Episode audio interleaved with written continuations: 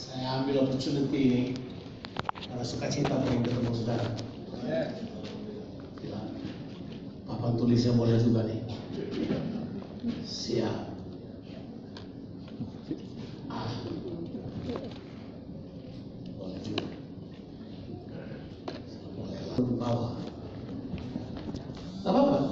Cuman yang di sini saya masih tulisan siap. Saya ingat dulu wajahnya. Siap.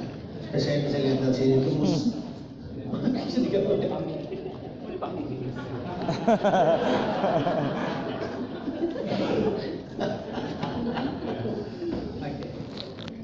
Semua lihat jam tangannya dulu. Kurang 10 jam 11. Saya akan berhenti jam 11.30. Jadi 40 menit ini kita akan pakai untuk menjelaskan tentang kingdom mentality.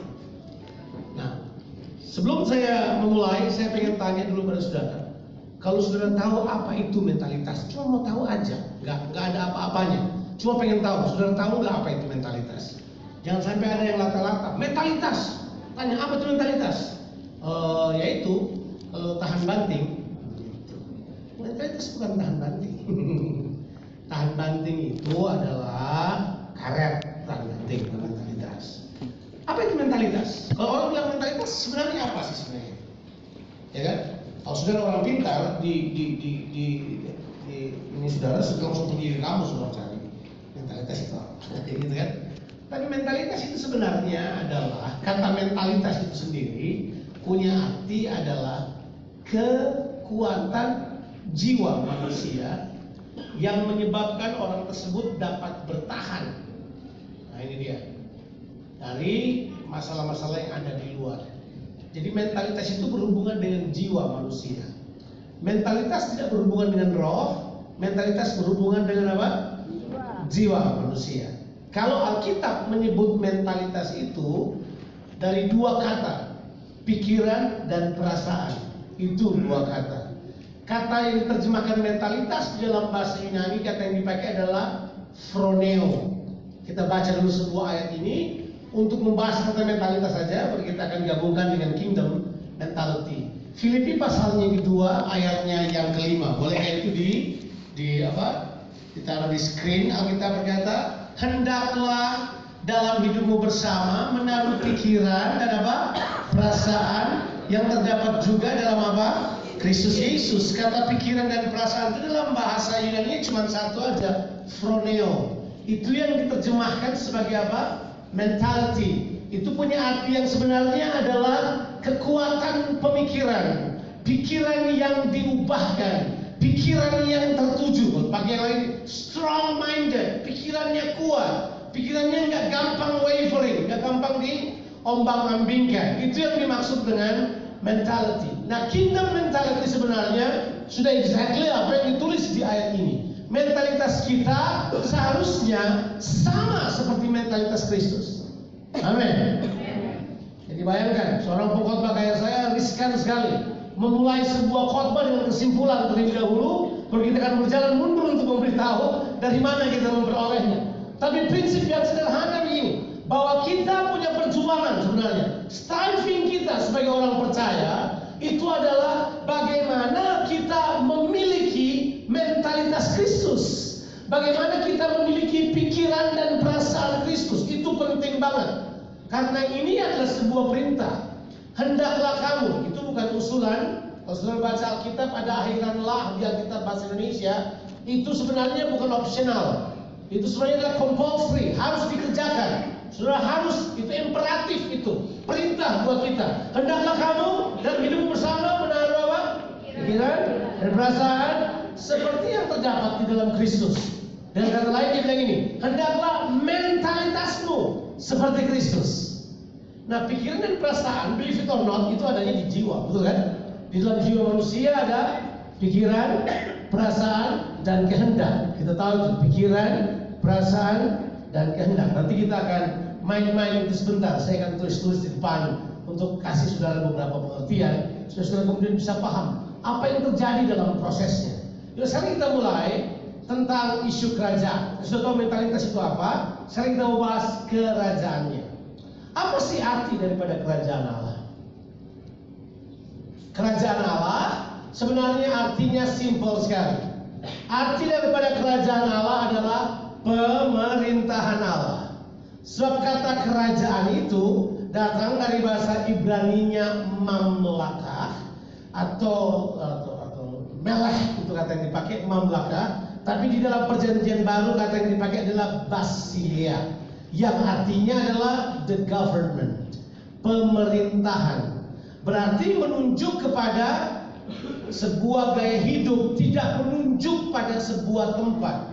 Saudara harus mengerti dari awal dalam mengajar orang percaya, kita punya kesulitan untuk mengajar ini karena ada paradigma di belakang kepala kita yang mengatakan begini, kerajaan Allah atau kerajaan sorga sama dengan sorga. Enggak sama. Kerajaan Allah dan kerajaan sorga bukan sorga. Sorga adalah tempat kediaman Allah. Kerajaan Allah dan kerajaan sorga adalah dinamika pemerintahan Tuhan atas sebuah daerah atau atas kehidupan manusia. Setuju ya? Sampai sini kita oke? Okay? Kecelakaan paradigma terbesar orang berkhotbah begini. Kalau kamu ini orang yang kata ini, kalau kamu dibaptis, kamu akan diselamatkan yaitu masuk surga. Teliti seluruh Alkitab Perjanjian Baru Saudara. Yesus tidak menawarkan surga kepada manusia. Dia menawarkan kerajaan surga kepada manusia. Yesus tidak menawarkan ini. Kalau kamu percaya kepada aku, kamu akan masuk surga. Itu nggak ada ayatnya sebenarnya. Yang ada adalah bertobatlah sebab kerajaan sorga sudah dekat. Siapa percaya kepadaku, siapa yang dilahirkan kembali, dia akan masuk. Siapa yang telah dilahirkan kembali, dia akan melihat apa yang dia lihat kerajaan Allah. Tidak ada isu sorga di situ. Tapi inilah tentu di dalam sejarah gereja, begitu orang mempercayai harus ke sorga, gereja kehilangan tujuan utamanya. Sebab tujuan utama yang Tuhan berikan buat kita bukan masuk sorga. Tujuan utama kita adalah seperti Kristus, seperti rajanya, seperti rajanya kerajaan sorga. Saudara bayangkan tujuannya jauh lebih istimewa. Nah mari kita akan mulai untuk membereskan isu awal ini supaya saudara nggak panik di belakangnya nanti. Saudara harus belajar di depannya dulu ini. Apakah sebenarnya tujuan manusia dijadikan? What is the purpose? Sebab orang kalau tahu tujuan itu mempengaruhi mentalitas mereka. Orang tahu tujuan hidupnya, cara pikir mereka pasti berubah. Kalau mentalitas mereka agak miring-miring itu karena nggak tahu tujuan biasanya. Orang tahu tujuannya akan berubah cara pikirnya. Nah, sekarang kita akan mulai dari hal yang paling mendasar. Konsep yang paling mendasar dalam kehidupan kekristenen kita adalah ini. Apakah tujuan hidup kita sebagai orang percaya? Jangan langsung ingat bukunya Rick Warren nanti sudah bingung nanti. Bukan. Tujuan Tuhan menjadikan manusia jelas. Kejadian 1 ayat 26. Coba kita lihat tujuannya. Kejadian 1 26. Kejadian 1 ayat 26. Oke, saudara baca dulu sebentar. 5 detik saudara baca. Apa tujuan Tuhan jadikan manusia? Nah ini dia. Terlalu cepat kita bilang tujuannya adalah berkuasa. Padahal tujuan utamanya bukan berkuasa. Keserupaan terlebih dahulu baru berkuasa. Makanya orang gila kuasa nggak kejar keserupaan. Jadinya kita tulis buat kita supaya menurut gambar. Kalau orang tanya, apakah tujuan Allah jadikan kita? Jawabannya mesti begini, dan gini, berkuasa. Tujuan Allah menjadikan kita adalah begini, supaya dalam gambar dan rupa Allah manusia berkuasa. Apa tujuannya? Supaya dalam gambar dan rupa Allah manusia berkuasa. Itu tujuannya. Jadi kekuasaan hanya mengikuti keserupaan, jangan dibalik. Kita harus mengutamakan keserupaan dan bukan kekuasaan. Kekuasaan ya diberikan pada kita, tapi yang terutama adalah apa? Keserupaan. Ini tujuan awal, ini yang kita sebut dengan istilah kalau saya mengajar itu adalah inilah yang disebut dengan original intentions of God. Inilah yang disebut dengan maksud awal Tuhan. Tuhan tidak punya maksud yang lain. Maksud awalnya dia adalah begini. Saudara semuanya serupa dengan gambarnya terlebih dahulu. Baru kita memerintah. Nah kata memerintah di situ punya kata khusus. Kata memerintah dari kata rada yang punya pengertian take over, having dominion, menguasai, menguasai, mengambil kendali dalam apa saja yang Tuhan berikan. Nah, berkuasa di sini harus hati-hati. Sebab manusia dibatasi. Manusia hanya berkuasa atas ciptaan Tuhan. Yang lain bukan berkuasa atas manusia. Dengarkan saya baik dalam kerajaan-kerajaan, inilah dasarnya. Manusia dilarang menguasai sesamanya. Kayaknya saudara nggak dengar ini. Manusia dilarang menguasai sesamanya. Untuk sesama manusia ada kata yang lain. Manusia melayani sesamanya. Term melayani di perjanjian baru berbeda, sama dengan memimpin loh. Ingat? Waktu Yesus mengajarkan, saudara kan pemimpin semua nih. Waktu Yesus mengajarkan di Markus pasal 10, sudah masih ingat? Siapa yang terbesar di antara kamu? Yesus berkata apa? Barang siapa mau jadi yang terbesar, dia harus menjadi yang paling kecil. Barang siapa mau jadi yang terutama, dia harus menjadi pelayan atas semuanya. See? Jadi kata untuk manusia, gak ada kata lain. Is to serve. Bukan berkuasa. Kalau saudara ada ahli politik sini, saudara mau jadi pemerintah, jadi penguasa di bangsa ini, ingat, penguasaan itu bukan atas manusia. Kita yang menguasai fasilitasnya. Burung-burung di udara, bolehlah. Ikan-ikan di laut, bolehlah. Binatang-binatang kuasailah itu. Isinya kuasailah dunia ini, bolehlah. Manusianya dilarang dikuasai. Sebab cuma satu penguasa manusia. Tuhan. Dia rajanya. Manusia apanya? Nah ini dia. Coba perhatikan kata yang tadi. Coba perhatikan kata yang tadi. Kata yang tadi ada dua kata kan? Ada kata gambar dan apa? Rupa. Segambar dan serupa. Betul ya? Itu berasal dari dua kata yang berbeda dalam bahasa Ibrani-nya. Ya tak? Menurut gambar, kata gambar itu datang dari kata selem. Selem. Selem itu punya pengertian. Selem itu pengertian resemblance bahasa Inggrisnya. Resemblance itu begini. Kalau kalau saya punya anak, anak saya mukanya kayak saya. Nah anak saya itu ada dua. Anak saya yang pertama mukanya enggak kayak saya, mukanya kayak mamanya. Ini resemblance anak saya pada mamanya.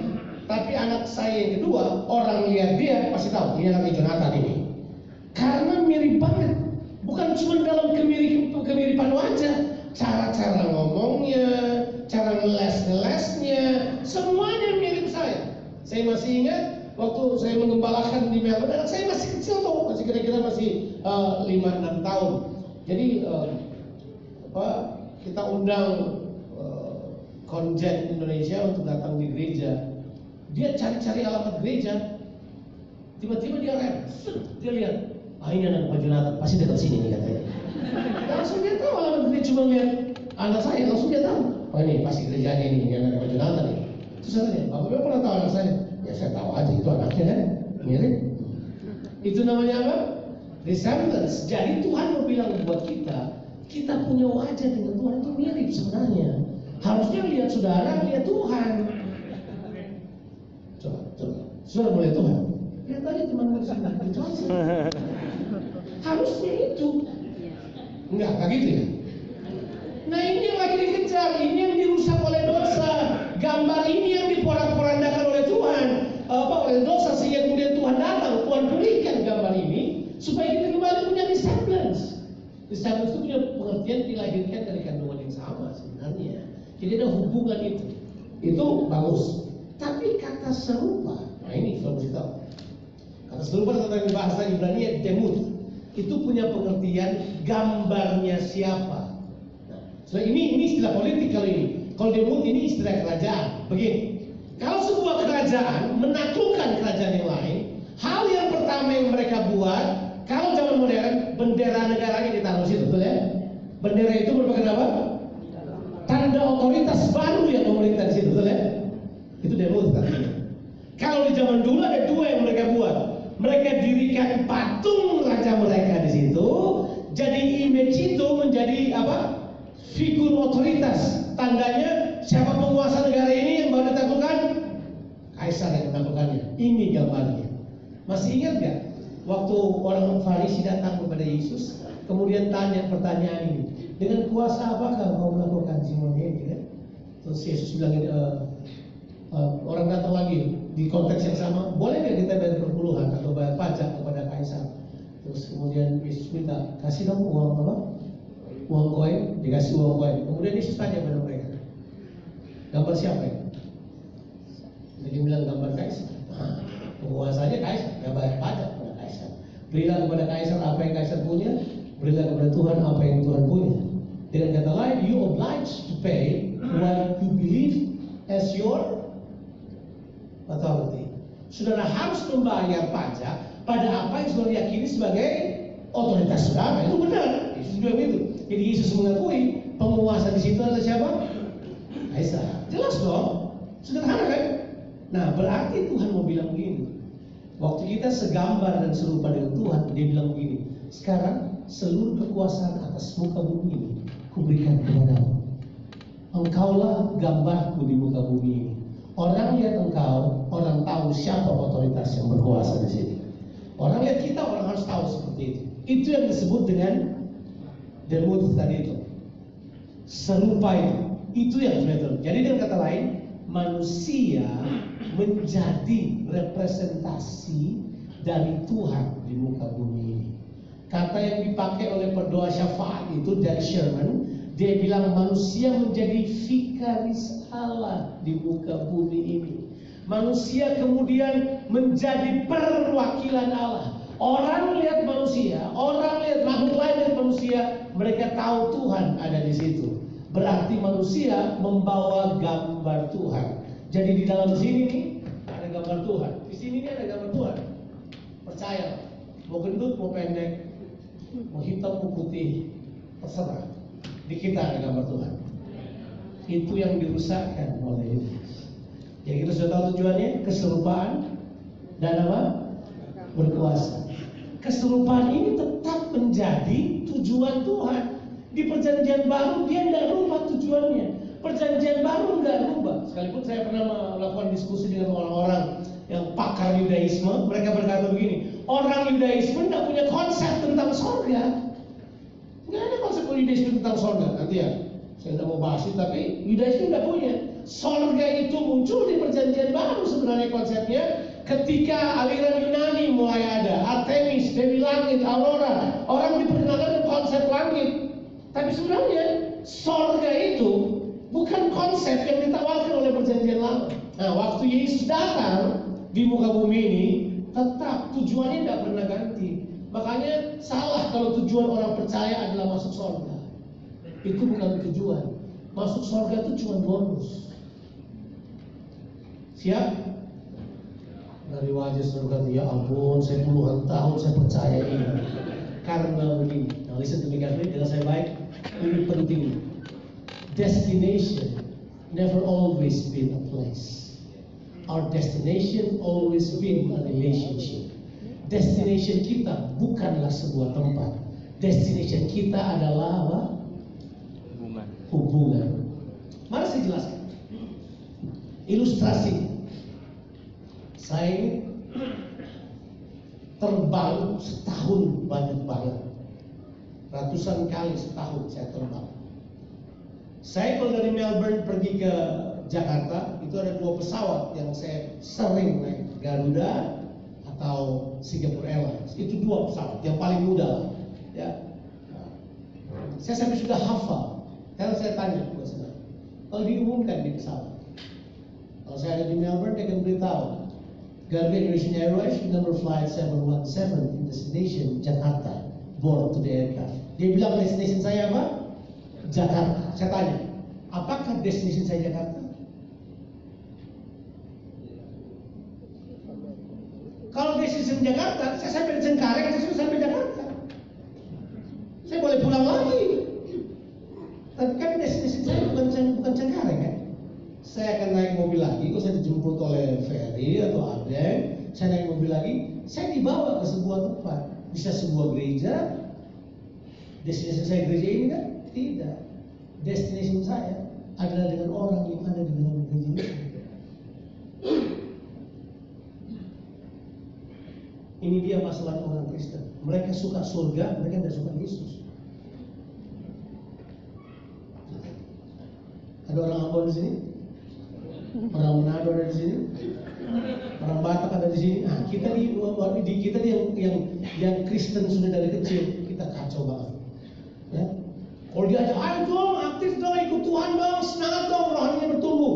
Jawabannya begini, sudahlah, yang penting kan masuk surga. Biar di emper-empernya saja. Eh? Biar dia surga di emper. Nah ini masalahnya kita. Anak saya yang kecil pernah bilang buat saya, you know what dad? These guys, they love heaven, they just don't like Jesus. Orang mau masuk surga, Yesus cuma jadi alatnya. Saya baru sadar, pelajaran kerajaan mengajarkan kita, semua itu cuma fasilitas. Surga fasilitas, yang penting Tuhannya. Tuhan tidak bilang di Alkitab tujuan kita adalah surga, tujuan kita adalah pribadinya. Coba kita baca ayatnya, kita baca ayatnya.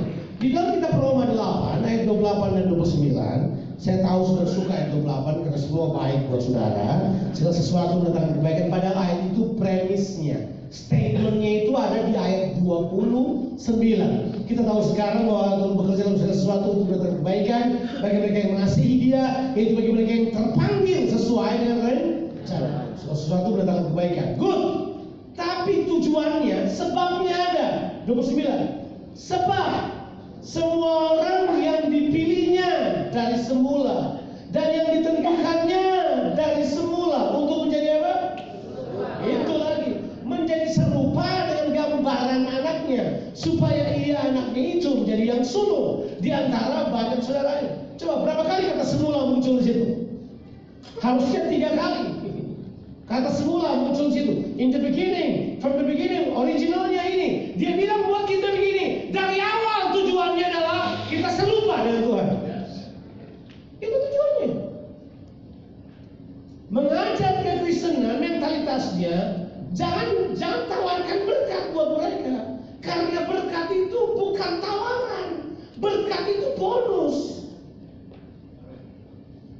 Makanya Yesus bilang carilah dahulu kerajaan Allah dan kebenarannya, maka semuanya itu akan apa? Apa kata semuanya? Makan, minum, pakai. Yang dijelaskan di atasnya, seluruh kebutuhan menurut teori Maslow. Dibilang itu ditambahkan pada saudara. Apa itu ditambahkan? Bonus, tahu bonus? Beli rumah dapat payung. Payung bonus. Beli mobil dapat pensil. Pensil bonusnya. Tapi kita kejar bonus lebih banyak. Kita lupa ada yang lebih penting daripada itu. Realitanya ada pada yang dua tadi itu. Keserupaan. Itu harusnya menjadi pengejaran kita. Mentalitas kita terletak pada keserupaan dengan Kristus. Bukan pada hal yang lain. Makanya berproseslah pada keserupaan. Yang lain mengikutinya. Saya suka tanya pada orang. Kenapa kamu baik sama orang lain? Supaya saya menerima sesuatu. Ganti alasan saudara beribadah. Ganti alasan saudara membeli. Ganti alasan saudara berbuat baik, setia, taat pada Tuhan. Kita buat itu karena saya serupa dengan Tuhan. Saya buat. Ganti alasannya. Kalau alasan ini, saya buat baik supaya engkau saya tambah banyak. Maafkan, itu licik. Penipu pun berpikir demikian. Penjahat pun berpikir demikian. Orang nggak kenal Tuhan juga berpikir demikian.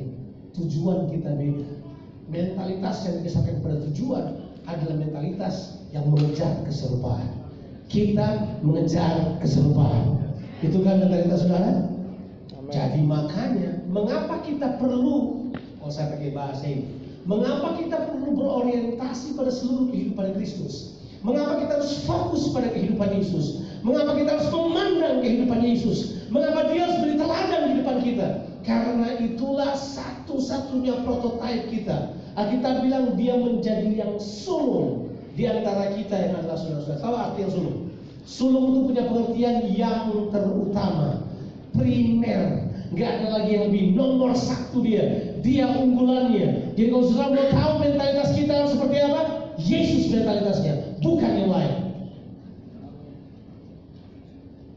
Saya banyak mentor orang. Dari awal saya tegaskan buat mereka. Teladani Yesus yang ada dalam saya. Kalau saya bertindak seperti Yesus teladani, kalau enggak buang di tempat sampah. Don't even care about it.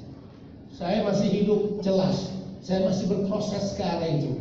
Saya belum sempurna. Ada di dalam saya yang perlu saya bereskan. Ada hal-hal yang perlu saya izinkan terang kerajaan terang di situ. Ada bagian-bagian yang Tuhan harus perintah dalam kehidupan saya. Saya tahu.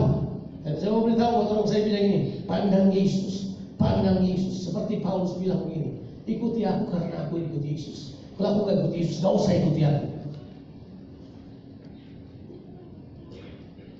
Karena teladan kita adalah siapa? Prototipe kita adalah siapa? Ya, keserupaan kita adalah siapa? Yesus. Siap, sampai sini kita oke? Oke?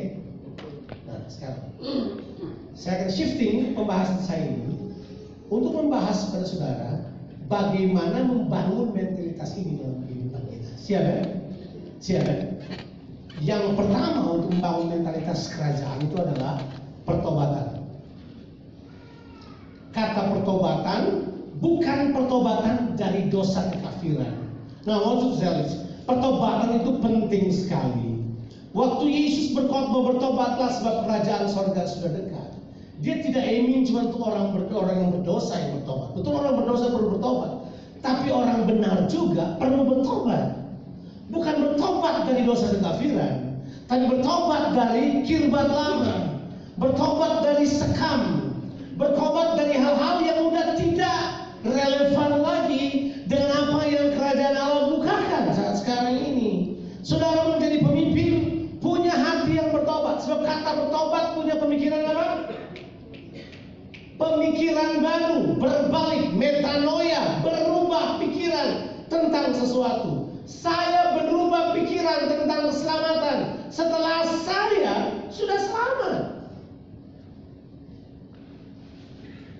Saya berubah pikiran tentang kesetiaan setelah saya belajar jadi setia. Saya berubah pikiran tentang tunduk pada pemimpin setelah saya belajar dan sudah diselamatkan. Saya banyak mengalami apa yang saya sebut dengan redefinitions of my life karena saya kemudian mulai temukan ini tidak beliau, ini tradisi, ini tidak penting buat saya. Saya harus bisa pisahkan hal tersebut dan untuk itu saya perlu bertobat.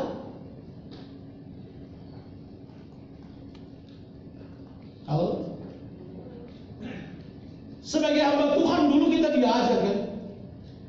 Itu kita sebut sebagai elitis tuh, elit spirit. Kita cuma berkumpul yang bisa kasih makan saya. Saya cuma berkumpul yang bisa pandu saya. Kan pengajaran-pengajaran masa kini dari pergaulanmu saya tahu siapa kamu. Yesus bergaul sama orang berdosa, dia nggak jadi berdosa pak. Dia bergaul sembarangan aja itu orang udah tahu pengajaran dari mana mereka bawa itu.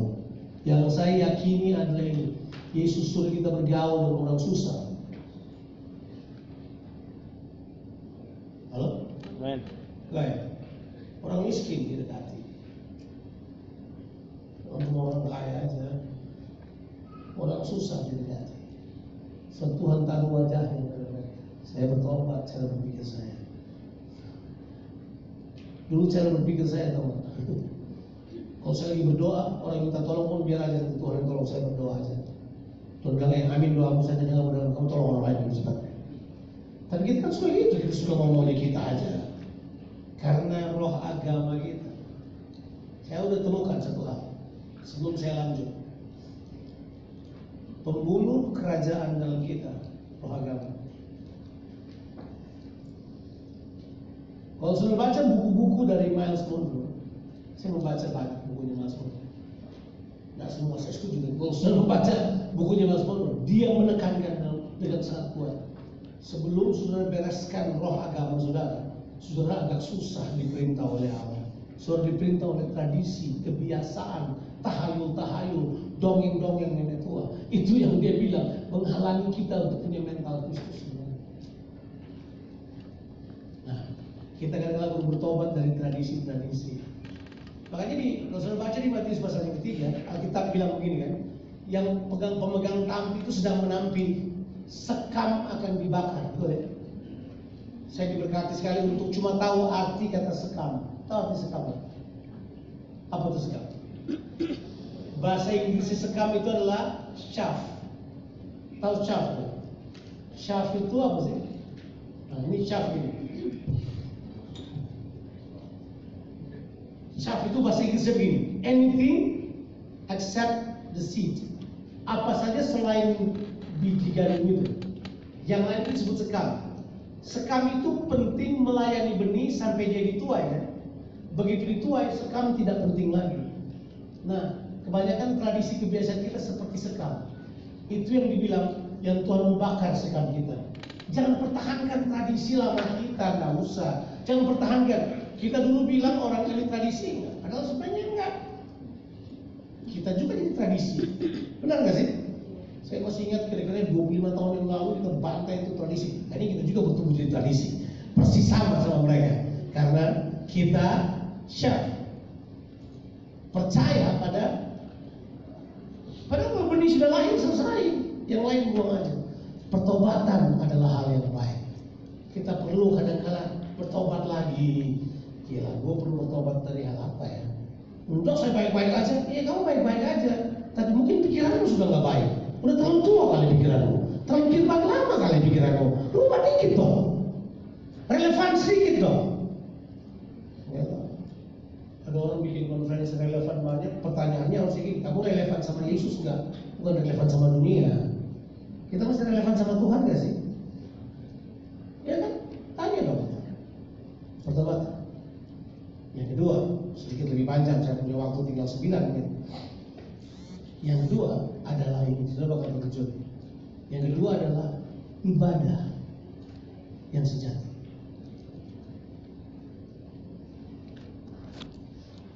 Ibadah penting banget. Ibadah artinya dan banyak arti ibadah. Nanti saya akan jelaskan kepada saudara. Um, ini rekan saya Andreas ini, Pastor Andreas ini. Dia kalau saya bahas ini sering sama mereka, dia sampai cari semua bahasa aslinya di Alkitab yang berurusan sama ibadah. Nanti minta dari dia ya. Nanti minta dari dia. Dia udah bikin semua, biar dia email ke saudara.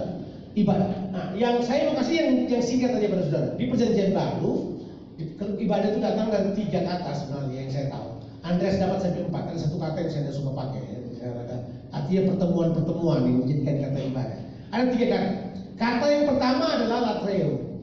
Dia terjemahkan penyembahan, tapi juga ibadah. Latreo itu ibadah yang mengandung upah istilahnya. Orang datang karena perlu upah, kata latron. Prajurit-prajurit Romawi habis bekerja dapat latron, gaji, latreo. Jadi mereka punya apa itu? Mereka punya bakti mereka kepada pemerintah, ada upahnya, latron. Itu kemudian dijadikan kata ibadah. Itu dipakai di Alkitab mungkin cuma berapa kali? Empat atau lima kali, tidak banyak gitu. Nah kata yang kedua cuma dipakai satu kali saja, itu treskeia. Treskeia itu ibadah agama apa aja? Itu uh, yang memberi kepada fakir miskin, itu ibadah kan? Uh, kasih indomie kemudian difoto, itu ibadah. Kasih demi kepada orang yang lagi kebanjiran di foto bangga disebarkan ke mana-mana. Saya telah membantu domi 10 dos ya nah, itu agama apa aja? Itu ibadah di depan umum namanya itu. Itu treske itu muncul sekali aja. Itu di Yakobus 1 ayat 27 sebab ibadah yang murni ialah mengunjungi janda-janda dan yatim piatu dalam kesusahan mereka jadi untuk janda-janda dan yatim piatu tidak perlu didoakan, didoakan, kunjungi aja. Karena kita udah bilang, doakanlah para janda, tidak ada ya. Kunjungi para janda. Cuma kita kan ganti kita. Yang penting ini, doa sama dengan kunjungan. Haleluya. Makanya misi nggak pernah jalan kan? Kita berdoa untuk misi, tidak pernah pergi misi. Itu memang gitu. gitu. Jadi doa adalah substitusi dari semua ketaatan kita pada Tuhan. Haleluya. Oke, nggak apa-apa kita kita pikirin yang lain itu. Itu yang muncul cuma sekali, Yakobus 1 ayat 27. Nah, tapi yang paling banyak muncul di surat-surat Paulus itu kata yang dipakai adalah Eusebia. Kata Eusebia ini punya arti aneh banget. Arti dari Eusebia ternyata adalah ya bu, saya masih Kata Eusebia itu punya arti adalah keserupaan. Jadi ibadah itu sebenarnya adalah latihan keserupaan. Harusnya kita pemimpin adalah orang yang beribadah latihan keserupaan kita harusnya tinggi. Karena kita bilang begini kan, jauhilah apa dongeng nenek-nenek tua 1 Timotius 4 ayat yang ke-7 tetapi latihlah dirimu apa beribadah sebab ibadah itu mengandung janji untuk hidup sekarang maupun hidup yang akan apa? Dan ibadah itu penting pak. Mentalitas jadi bukan ibadah yang kayak gini. Ibadah yang disebut dengan keserupaan. Ini dia arti. Apa saja yang saudara buat seperti Yesus itu ibadah. Kalau seorang bapak lebih sabar pada istrinya, itu ibadah. Seorang bapak nggak marah-marah cepat pada anaknya, tapi lebih mengasihi dan koreksi dengan benar, itu ibadah. Waktu kita harusnya meledak dan pecah marah dan kemudian emosi, tapi kita sabar dan penuh kasih tetap berkata-kata baik pada seseorang, itu ibadah. Sebab arti dari ibadah adalah apa? Keserupaan. Ya, Yusedia artinya keserupaan. Kita dilatih untuk serupa dengan Kristus. Makanya rahasia ibadah kita bukanlah kebaktian. Rahasia ibadah kita adalah hidup seperti Yesus. Makanya dituliskan di dalam 1 Timotius pasalnya yang ketiga ayat 14 sampai ayatnya ke-16. Alkitab bilang begini, Paulus berkata, kalau aku terlambat, sudahlah engkau tahu bagaimana orang harus hidup. Sebab ibadah itu adalah gaya hidup. Ibadah itu bukan liturginya. Ibadah adalah gaya hidupnya. Ibadah adalah apa yang kamu manifestasikan keluar dari iman dan hubunganmu kepada Tuhan. Ibadah itu adalah sesuatu yang muncul dari dalam,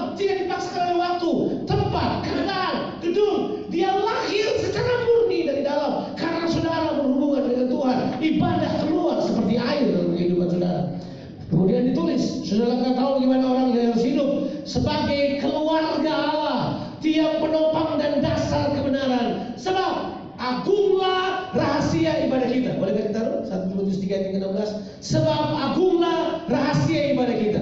Apakah rahasia ibadah kita? Dia. Haleluya. Kan? Dan sesungguhnya agunglah rahasia apa?